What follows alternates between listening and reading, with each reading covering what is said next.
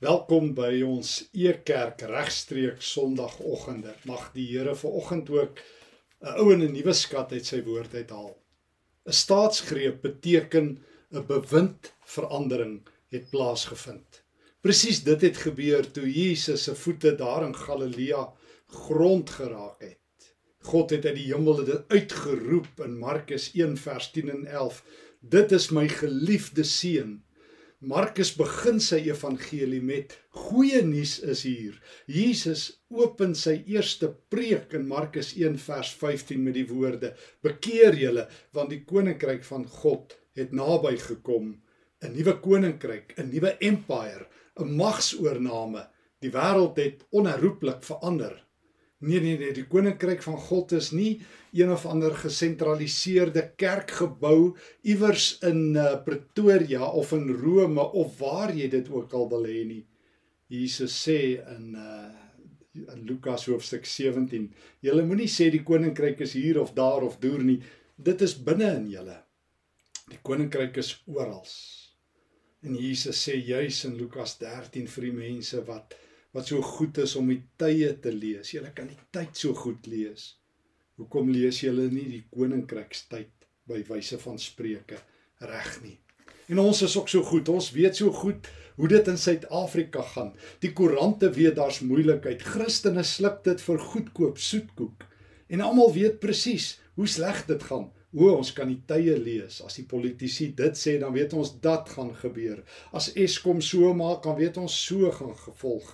As die ekonome sê die ekonomie loop daai kant toe, dan weet ons presies hoe die tyd sal wees.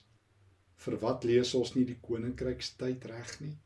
Hoe op aarde is dit moontlik dat die grootste revolusie wat die wêreld nog ooit gesien het, die inbreuk, die aankondiging, die aankoms van die koninkryk van God deesdae so lou warm deur die volgelinge, die burgers van hierdie koninkryk uitgeleef word. Miskien is dit wat Eugene Peterson sê, een van die sleutels. Ek onthou hoe die bekende vertaler van The Message jare gelede in een van sy boeke vertel het van een Sondagoggend toe hy na kerk mense so by die kerk se deur groet. En iemand vir hom sê, "Ons gaan nou terug na die regte wêreld toe." En Petersen by homself dink, dan het my preek misluk, want as die regte wêreld nie hier is waar die Here se woord is nie, as die regte wêreld nie God se koninkryk is nie en die sogenaamde regte wêreld is die wêreld van die donkerte, dan misluk die kerk. Het ons Here Jesus nie in Johannes 1 lees ons daar in die eerste 18 verse hiernatoe gekom om die duisternis te verdryf nie? het hy nie gekom om hierdie wêreld wat hy liefhet te vervang met die koninkryk van God nie. Het ons nie gehoor hoe Jesus dit uitroep: "Bekeer julle en glo die evangelie nie." Is ons doof? En Eugene Peterson het toe vir homself gesê van nou af gaan hy die koninkryk van God so bekend maak dat dat gelowiges week na week sal hoor ons kry mesiele hier waar God se woord is om op hierdie verbygaande wêreld waar ons elke dag leef af te vuur. Hoekom glo ons hierdie wêreld wat aan die verbygaan is? Hoekom verkoop ons ons siele uit aan die politici, die ekonome, die gelowiges sonder hoop wat meer weet van alles wat verkeerd is in hierdie wêreld as van wat reg is in die koninkryk van God? Oor die koninkryk van God is oral.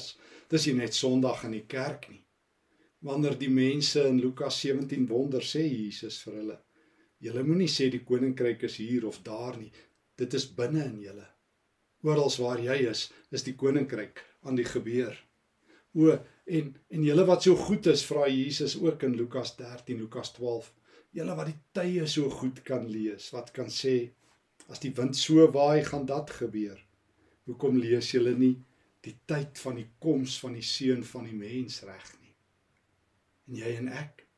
Is dit nie dalk waar wat die groot teoloog, een van die groot Duitse teoloë in die vorige eeu, Ernst Käsemann, daar in die laat 50er jare geskryf het nie. In een van sy boeke wat in Engels vertaal is oor Jesus, vra hy die vraag of kla hy oor die feit dat die kerk die rooi warm boodskap van Jesus tot kamertemperatuur afgekoel het. En dan sê hy they could not stand the heat. Ek meen, wanneer Jesus die koninkryk van God bring, dan is dit nie maar net liewe Jesus wat op kerskaartjies afgedruk word nie. Dan is dit nie maar net gentle Jesus meek and mild wat die kerk deur die eeue net aan die slaap wil hou nie. Het jy ook al agtergekom die bekendste uitbeelding van Jesus deur die eeue is 'n klein Jesus en 'n groot Maria of 'n Jesus in 'n krib en hy moet net slaap. Hou hom net aan die slaap. Miskien is dit een van ons probleme. Die wakker aan die brand lewende Christus is dalk net te ongemaklik om na te volg. Het Jesus nie ook vir jou en vir my gesê as ons agter hom wil aankom soos ons gehoor het in Markus 8 vers 34 en 35 dan moet ons ons kruis opneem en hom volg nie. Het ons nie gehoor in Lukas 12 in eh, Lukas 14 vers 5:26 as iemand agter my wil aankom kan hy nie my disipel wees nie tensy hy afstand doen van sy eie pa en ma vrou, kinders, broers en susters, ja, selfs sy eie lewe. Nee, Jesus sê nie met jou familie haat nie. Hy sê net jy moet jou prioriteite regkry. Of Christus alleen as die belangrikste of bly weg. Bly weg. Het hy nie gesê in uh, Lukas 14 vers 33 So kan niemand van julle my disipel wees as hy nie bereid is om van al sy uh, besittings afstand te doen nie. O Jesus roep ons op tot 'n baie baie hoër standaard. Nie tot my eie middelmatigheid nie, nie tot my eie idee van bekering nie, maar tot syne. Alles of niks. Sy terme of geen terme. Ek volg die Here van die staatsgreep. Ek volg hom as burger van die koninkryk. Het hy my nie gewaarsku vooruit ook in hierdie lydingstyd? Dat as hulle hom by Elsebul genoem het en lê het, sal dit met my ook gebeur nie. Terloops is jy al by Elsebul Satan genoem. Ek onthou die eerste keer toe dit met my gebeur het. Ek is nogal so ewe by 'n kerk deur 'n klomp kerkleiers in die publiek uitgehaal as Satan. Nou die eerste dag gebeur dit baie as ek nie saam met mense in hulle kampe veg nie. En ek onthou ook was so 'n bietjie dik klip lank gesig. En in daardie tyd het 'n uh, Amerikaanse kerkleier Irwin McManus hier in Suid-Afrika gewees. En hy's wilder as die wildtuin. Jy kan maar van sy boeke gaan lees. Hy uh, hy hy draai Amerika om op maniere wat jy nie kan glo nie met 'n radikale Christus, die ware Christus wat hy navolg. En ek onthou ek in Irwin sit en eet en hy vra vir my, "Hoekom lyk ek so omgekrap?" En ek sê vir hom, "I've just recently been called Satan at a church. Actually, it was last evening." En hy kyk so vir my en hy hou aan eet en na so 'n paar minute sê hy vir my I can see it bothers you. Ek sê yes it does. Hy sê is this the first time this has happened to you? Is dit die eerste keer? Ek sê yes. Hy sê well at least then we can agree that you just beginning to follow Jesus. You know scriptures don't you? Wat hulle vir Jesus gesê het, sal hulle vir ons sê. Gebeur dit met jou? Is die evangelie wat jy leef so teen die grein? Nee, ek praat nie daarvan dat jy 'n moeilikheid maker of omgesukkeld moet wees nie, maar as dit so uitdagend dat dit mense ongemaklik maak partykeer en ander uitnooi om jou te volg. Ek lees juis onlangs hoe 'n ateïs skryf nadat een van die bekende um, gospelsangers op die kerk uh, verlaat het. Hy sê wat om deesdae so pla van die kerk is, hulle wil so cool wees soos ons. Ek wil juis as daai evangelie van hulle die waarheid is, magneties nader getrek word.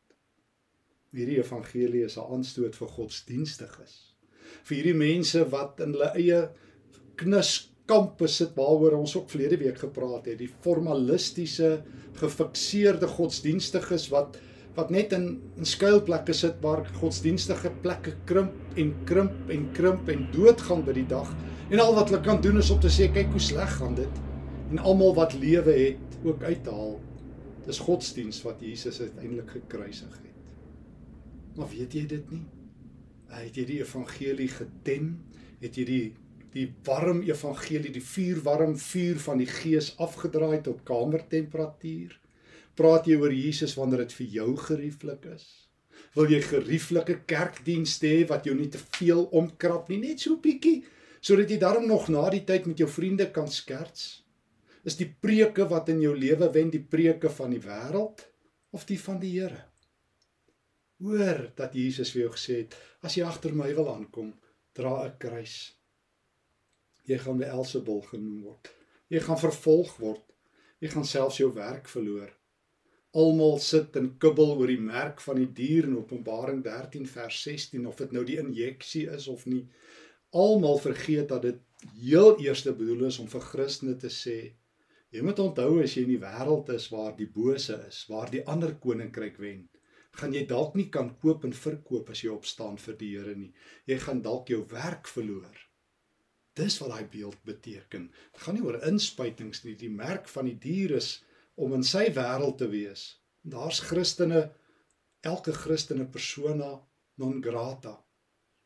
En en en en en hoekom soos wat my vriend Rudolf Botha vra, is ons meer ontsteld as iemand soos 'n Malema grond vra. Maar ons is nie ontsteld as Jesus alles van ons vra nie. Ons geld, ons grond, ons tyd, waar ons bly, wat ons dink, wat ons sê, ons ego. En as hy vir ons die op aarde in daardie tyd slegste rolle aanbied wat ons verlede week gesien het, onthou jy? Onthou jy Markus 8 vers 4:35? Dat uh, as ons agter Jesus wil aankom, dan moet ons sy kruis dra. Ek meen 'n doodsvonnis. Onthou jy dat Jesus in Markus 10 vers 16 gesê het as ons nie soos kindertjie daai kindertjies ontvang nie, sal ons nooit in die koninkryk van God ingaan nie. Onthou jy wat ons gelees het in Markus 10 vers 42 tot 45 dat om eerste te wees en groot te wees, sal ons nou slawe en bediendes moet wees. Ek meen, dink net 'n bietjie, as jy laasweek se woord gehoor het, was jy in die afgelope week kruisdraer? Het die dood van Jesus gevoel op jou skouers? Of was die kruis so lig dat jy meer ander bekommernisse gehad het wat jou laat wakker lê het? Was dit op jou agenda om ander mense te dien en het jy?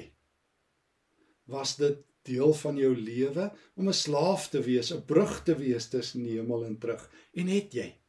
Hm. Ek het 'n reël nou in my lewe gemaak en ek het dit nou die dag met 'n kerk gedeel en ek dink ek het dit ook al by e kerk gesê dat vir elke persoon Stefan in kluis wat kla oor iets wat verkeerd is in Suid-Afrika en blykbaar volgens meeste mense is daar baie ietsie lyk vir my alles is verkeerd en niks is reg nie. Het ek 'n reël gemaak dat vir elke ou wat met my kom kla oor hoe dit in ander koninkryke gaan vra ek vertel my die nuutste storie van die koninkryk van God Waar het jy in die afgelope week bediende gewees, slaaf gewees, kruisdraer gewees, kind gewees wat opkyk na ander? So storie vir storie ruil ons om. Jy vertel jou slegte storie, maar jy vertel vir my 'n koninkryk storie. En as jy nie een het nie, moet asseblief nie weer kom praat tot jy een het nie. En kan ek vir jou my nuutste koninkryk storie vertel? En kan ek vir jou vertel waar ek gekruisdraai het? Nee nee, nie om te spog nie, want dit is swaar om myself te verneder, om stil te bly as ander ouens my by Elsebul noem, om 'n ander wang te draai, maar om die hemele oop te sien ook by e kerk week na week, bekerings, geestelike groei, hoe armes kos kry, hoe die hemele oop is. O, kan ek jou die nuutste stories vertel van die koninkryk van God? Van my Here wat met 'n veldslag besig is wat onstuitbaar is. Hy is hier om te wen, meneer en mevrou. Hy's hier om die wêreld te vat en hy gaan kan ek jou my nuutste Jesus stories vertel. So as hierdie evangelie so moeilik is hier in hierdie paastyd. As die kruis van Jesus so moeilik is dat ek saam met Markus 10 moet sê, Here, Here, ek um, ek loop swaar agter U aan, dis moeilik. Hoekom doen ek dit dan? Hoekom loop ek dan saam met Jesus? Wel, wel, ek wil sê hoekom sien ek kans vir die evangelie? Want ek het burger geword van hierdie koninkryk waar Jesus soos in Markus 1 vers 40 tot 45 my onreinheid weggevat het. Onthou jy ons het op verlede week by hierdie aangrypende teks stil gestaan waar Jesus vir die onreine gesê het ek wil word gereinig. Vra jy hoekom is ek 'n burger van die koninkryk van God? Want ek is deel van 'n koninkryk waar my onreinheid weggeneem is waar Jesus in my spasie ingestap het en ek in syne en hy het my gereinig met sy hart gelek het van liefde. Weet jy hoekom ek Jesus volg? en kom ek kans sien vir 'n kruis. Want ek was ek was een van daardie mense van Markus 2 vers 1 tot 12 wat tot voor hom neergesak is en ek het my eie behoeftes gehad en toe sê hy jou sondes is vergewe. Jou sondes is vergewe. Hierdie gemors in my lewe is weggevat. O in hierdie nuwe koninkryk van God verdwyn er onreinheid en sonde daarmee word afgereken. Ek is nie meer 'n sondaar nie. O ek doen nog sonde, maar my status het verander. Jesus het gesê staan op, neem jou bed en volg my. Weet jy hoekom is ek 'n burger van die koninkryk van God? Wel, omdat uh, ek by Jesus se tafel sit daar van Markus 2 vers 13 tot 17 waar hy in veral in vers 17 gesê die wat wat gesond is, het nie 'n dokter nodig nie, net hulle wat siek is en ek het gekom om mense te roep wat sondaars is, nie hulle op die regte pad nie. En nou sit ek by Jesus se tafel. Ek het my onreinheid is weggevat, my sonde is weggevat en ek kan saam met verlore mense en stikkende mense en siek mense by Jesus se tafel sit. Ek kan nou uh, dit wat Jesus vir my gedoen het met ander deel. O, Ek ek onthou wat Jesus in Matteus 4 vir Petrus gesê het: "Kom agter my aan. En ek sal jou visser van mense maak." Meeste mense wat hierdie middelmatige Christelike lewens leef, wat so bietjie vir Jesus doen en bietjie vir hulle self en bietjie vir die wêreld, wat so hier en daar tydjies afknyp en so so die kamertemperatuur volgelinge van Jesus is room temperature followers wat Jesus op hulle terme volg. Nie op sy terme nie. Hulle sien nooit hoe verlore mense gered word nie. Hulle hoor nie Lukas 15 hoe die engele hande klap en feesvier en jubel en juig as sondaars verlore gaan nie. Het jy al so iemand gesien? Anderlaas as ek mag vra, het jy gesien hoe iemand soos 'n brandhout uit die vuur geruk is en die Here Jesus vasloop, tromp op, kop aan kop en hom leer ken as verlosser en Here. Meeste mense is soos wat Leonard Sweet sê most Christians and most Christian leaders are so busy mending the fishers nets that say that they don't have any time to be fishers of men. Meeste Christene lyk my is so besig om die vissersnette reg te maak en daarmee te karring om om koue lidmate en benoude lidmate en behoeftige lidmate wat ek bedoel behoeftig in die sin hulle wil mos hulle droom nie sien hulle weet nie hoekom nie skuis vir die vliegtyg Hulle wil hulle droom nie sien, maar of hulle pastoor net om bedien te word, net om omdat hulle nie self die woord ken nie, dat daar nie meer tyd is om 'n visser van mense te wees nie. Maar ek volg Jesus omdat ek gesien het hoe leef hy by die huis kom en hoe daar 'n ete vir hom wag. En by Jesus is daar 'n feesmaal. O, dit is swaar in die wêreld om hom te volg. Uh, ek dra kruis, ek word beledig, ek word gespot ek uh, loop my dood tegemoet. Maar ek sit saam met Jesus wat onreinheid wegvat en sonde wegvat. En ek kan by sy feestafel sit. En ek kan um, saam met Nathanael in Johannes 1 vers 51, 50 en 51 hoor hoe Jesus sê: "Hoe glo jy nou? Jy sal die hemele oop sien. Jy sal sien hoe klim die engele op en af na die seun van die mens." Ek is in God se koninkryk 'n burger. Ek is by die feesete van die Here nou reeds. Ek is 'n genooide, ek is 'n kind van die koning.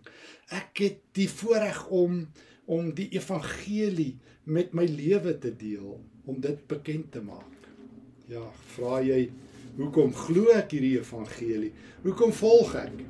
Want ek is ook geroep om brood uit te deel en om o, oh, die vliegtye is besig hier by ons verskoon tog. En om um, elke dag die koninkryk laat kom. Meeste mense wat ek ken is magteloos. Hulle sê hulle kan nie die wêreld verander nie.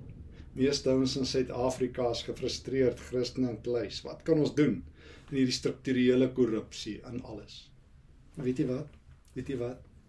Jesus het my nie geroep om die wêreld te verander nie. Hy het my geroep om vir een iemand anders 'n beker koue water te gee. Matteus 10. Vir elkeen wat julle 'n beker koue water gee, sal God van weet. Lukas 14. As jy weer 'n ete hou, nooi die armes en die krepeles en die lammes en die blindes. Ek het al vertel van die een Amerikaanse maatskappy, oliemaatskappy, motoroliemaatskappy. Wie se spreekwoord ek een keer in Amerika gesien het en ek nou nog onthou. Jiffy Lube. Hulle het op 'n geleentheid gesê, "We don't want to change the world, we just want to change your oil." So Jesus roep my nie om die wêreld te verander nie, hy roep my om vir een persoon 'n beker koue water te gee. Elke dag, intentioneel. 1 Petrus 2 vers 15 tot 17 te doen. Doen goed, so sal jy 'n einde bring aan al die kwaad wat mense praat. Doen goed. Moenie net opstaan vir die Here nie, doen goed vir die Here. Moenie net opstaan vir die Here nie, doen goed vir die Here. Hoor weer, doen goed vir die Here.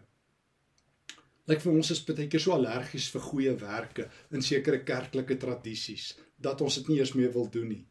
Gaan lees die Bybel, gaan lees die Titusbrief, Ek het dit nou die dag deur gewerk. Oor en oor sê Paulus, doen goed, doen goed, doen goed in Jesus se naam. Ja, 'n beker koue water kos jou niks, spreekwoordelik. Ehm, um, gaan kyk as jy in 'n tou staan by die winkel. Of nie iemand agter jou is wat lyk vir hulle swaar kry nie en betaal hulle rekening vooruit. Bederf op 'n dag 'n wildvreemde persoon en roep die kelner en betaal sommer vir hulle koffie by 'n winkel. As jy op 'n dag deur 'n tolhek ry, betaal sommer die persoon agter jou sin en ry weg. Doen elke dag goed. Moenie gaan slaap dat daar 'n dag verbygaan dat jy nie goed gedoen het nie. Wees nie 'n lewende dreigement nie, soos ek altyd sê. Wees 'n lewende legende.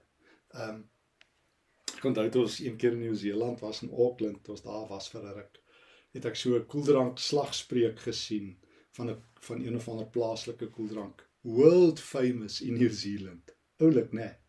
Wees wêreldberoemd in jou straat, in jou huis, by jou werk, tussen jou vriende, omdat jy 'n burger van die koninkryk is. Wat goed doen. Dis wat Jesus van jou vra. En dan, en dan gaan jy die hemele oop sien saam met Nathanael. Dis 'n gevaarlike evangelie. Vanaf Markus 10 sien ek hoe ons Here Jesus op pad Jerusalem toe is om vermoor te word want dit is wat die kruis is. Dis 'n moord op die seun van God.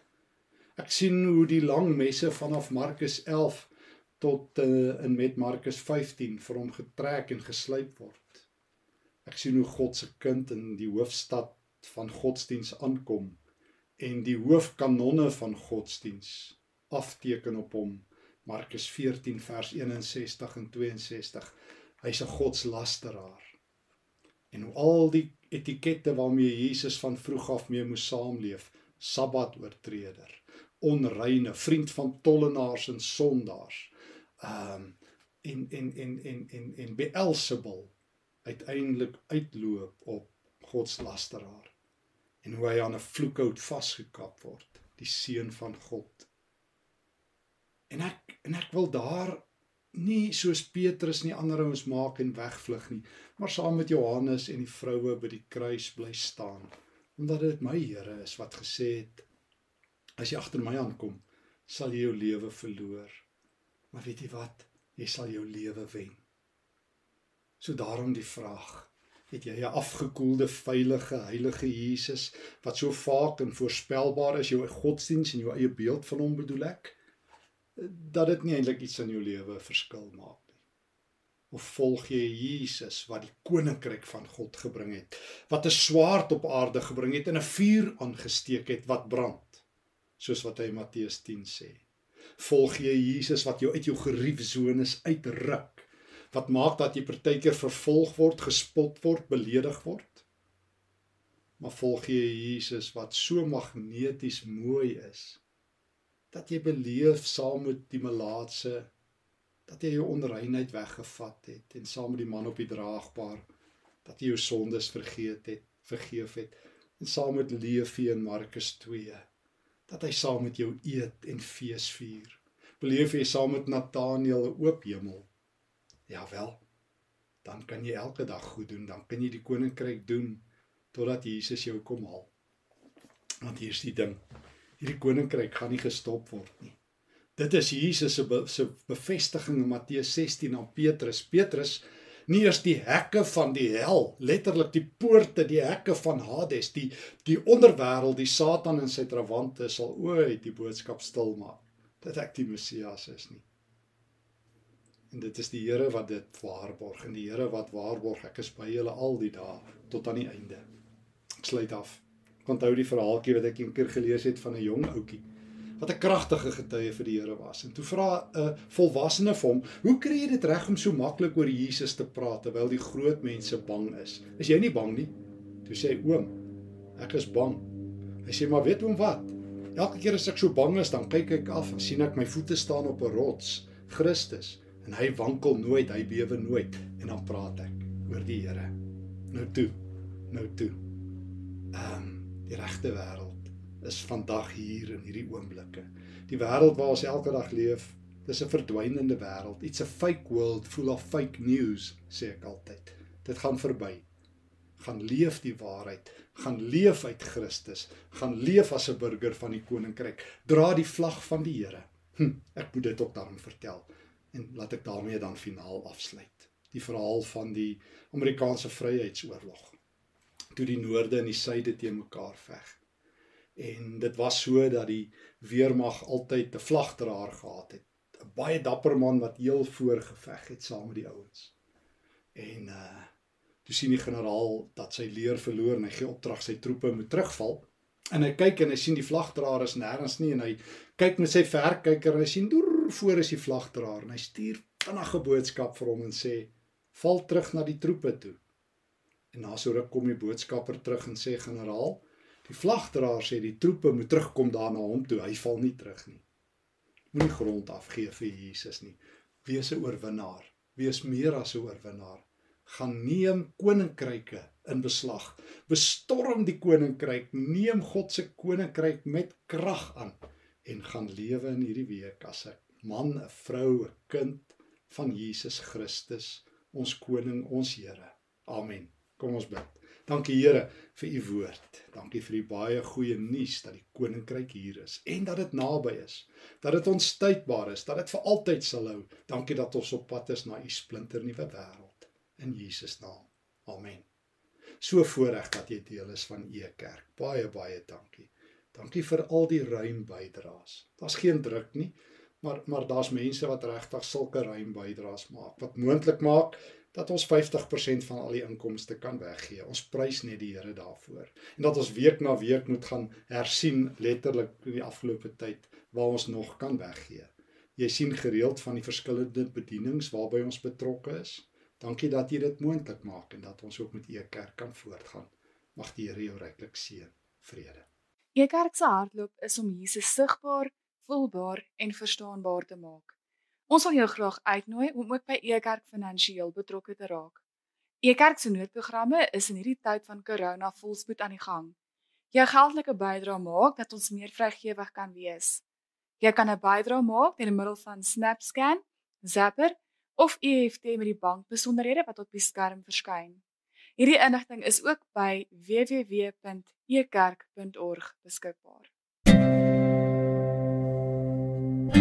Thank you